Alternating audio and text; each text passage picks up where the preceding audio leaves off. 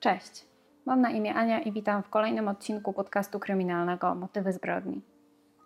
Zanim zaczniemy, chciałabym przypomnieć o subskrypcji kanału oraz włączeniu powiadomień, dzięki czemu nigdy nie zapomnicie o żadnym nadchodzącym filmie.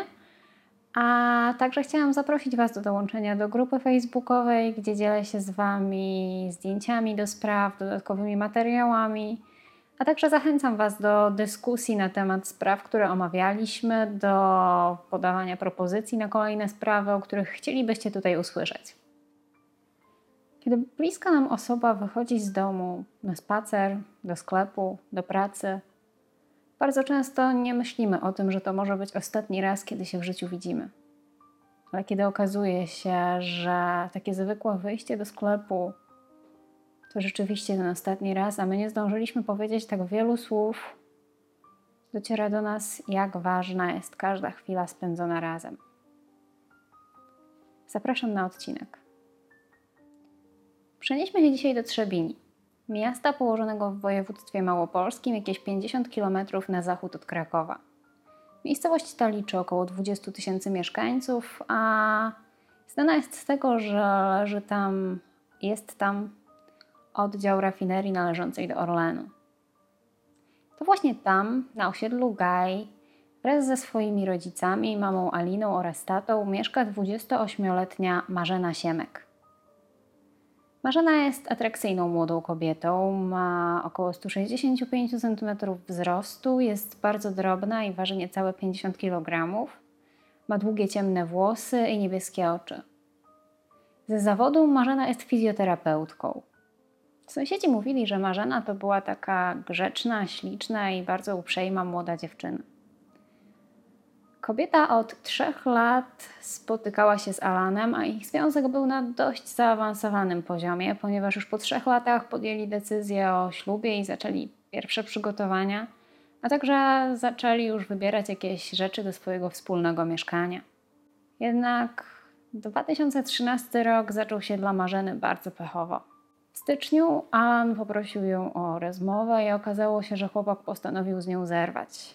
Było to zarówno dla Marzeny, jak i dla jej rodziców nieoczekiwane, co najmniej nieoczekiwane, ponieważ, tak jak wspominałam, para planowała ślub i, i wybierała już rzeczy do wspólnego mieszkania, a, a tak po prostu postanowił z nią zerwać. Tym bardziej, że powodem miała być jakaś niewielka sprzeczka, do której doszło między parą.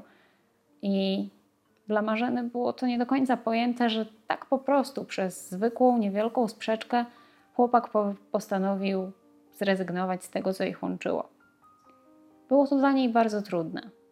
Rozstanie było dla Marzeny bardzo trudnym momentem w życiu. Chodziła przygnębiona, smutna. Wszystkie jej plany legły w gruzach i dziewczyna nie potrafiła tak naprawdę więcej cieszyć się życiem i właściwie przez kolejne miesiące tylko się snuła. Pani Alina, mama Marzeny, absolutnie nie ma za złe Alanowi tego rozstania, tego, co się wydarzyło.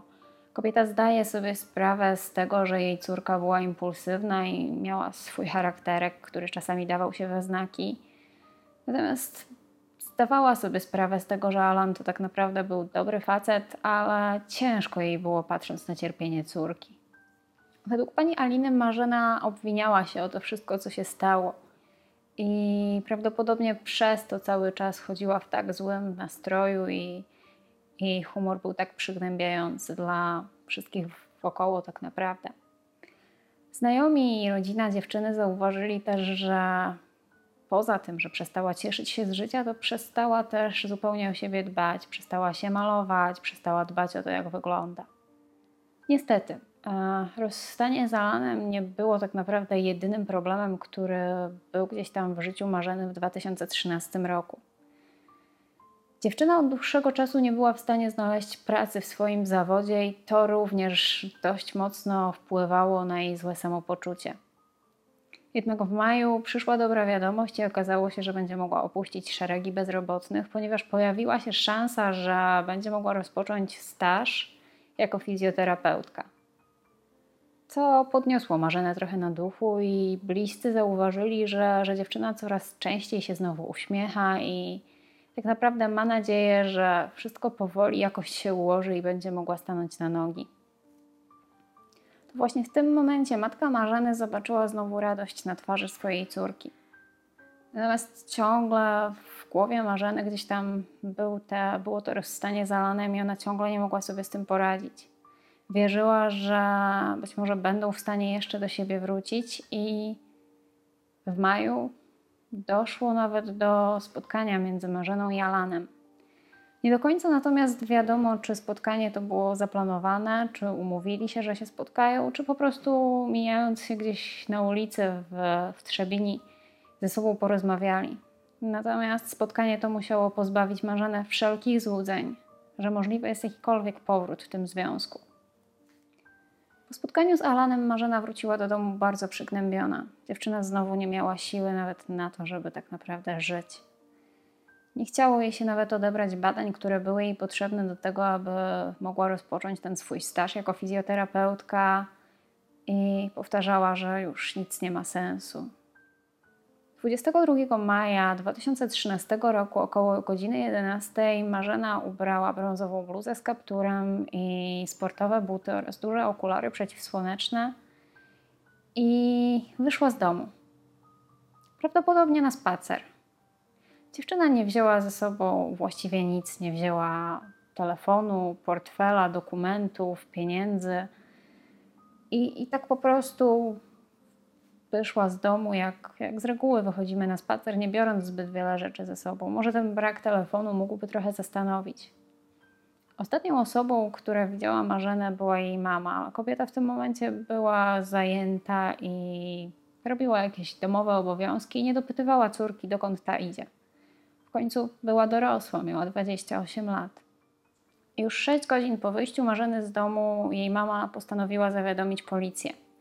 Wcześniej Mama Marzeny oraz jej rodzina sami próbowali ustalić miejsce pobytu dziewczyny, natomiast kiedy to nie przynosiło rezultatów, uznali, że nie ma sensu czekać.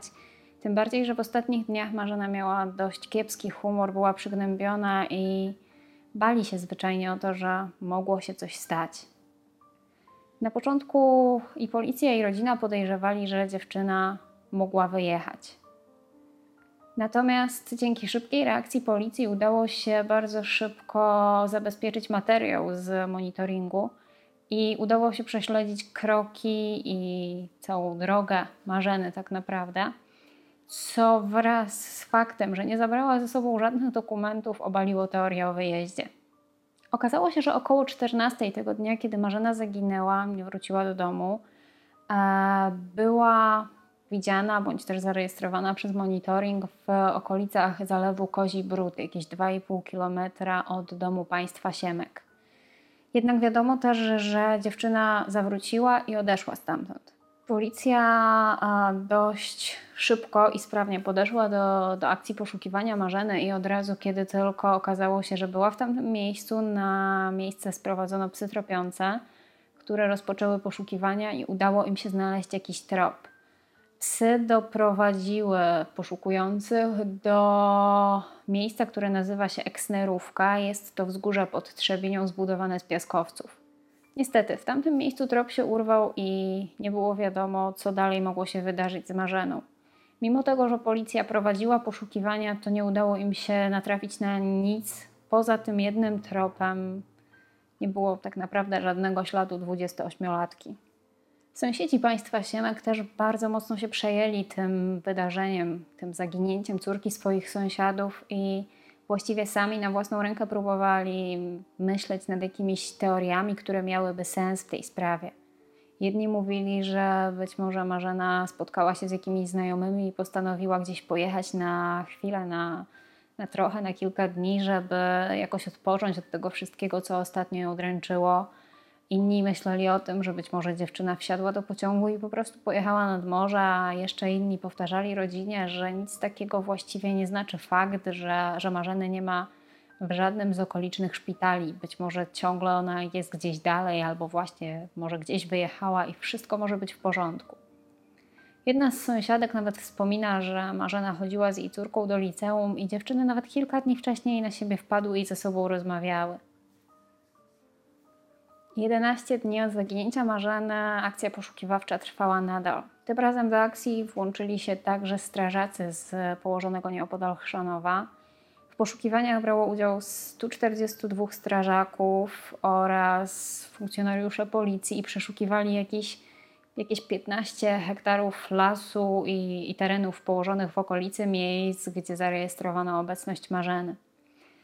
Niestety w trakcie tych poszukiwań nie udało się odnaleźć zupełnie nic, nawet żadnego tropu, tak jak poprzednio i wszystko sprawiało wrażenie, jakby Marzena zwyczajnie zapadła się pod ziemię. W akcji poszukiwawczej brał udział również helikopter z kamerą termowizyjną, który przeszukiwał tereny Eksnerówki i okolice.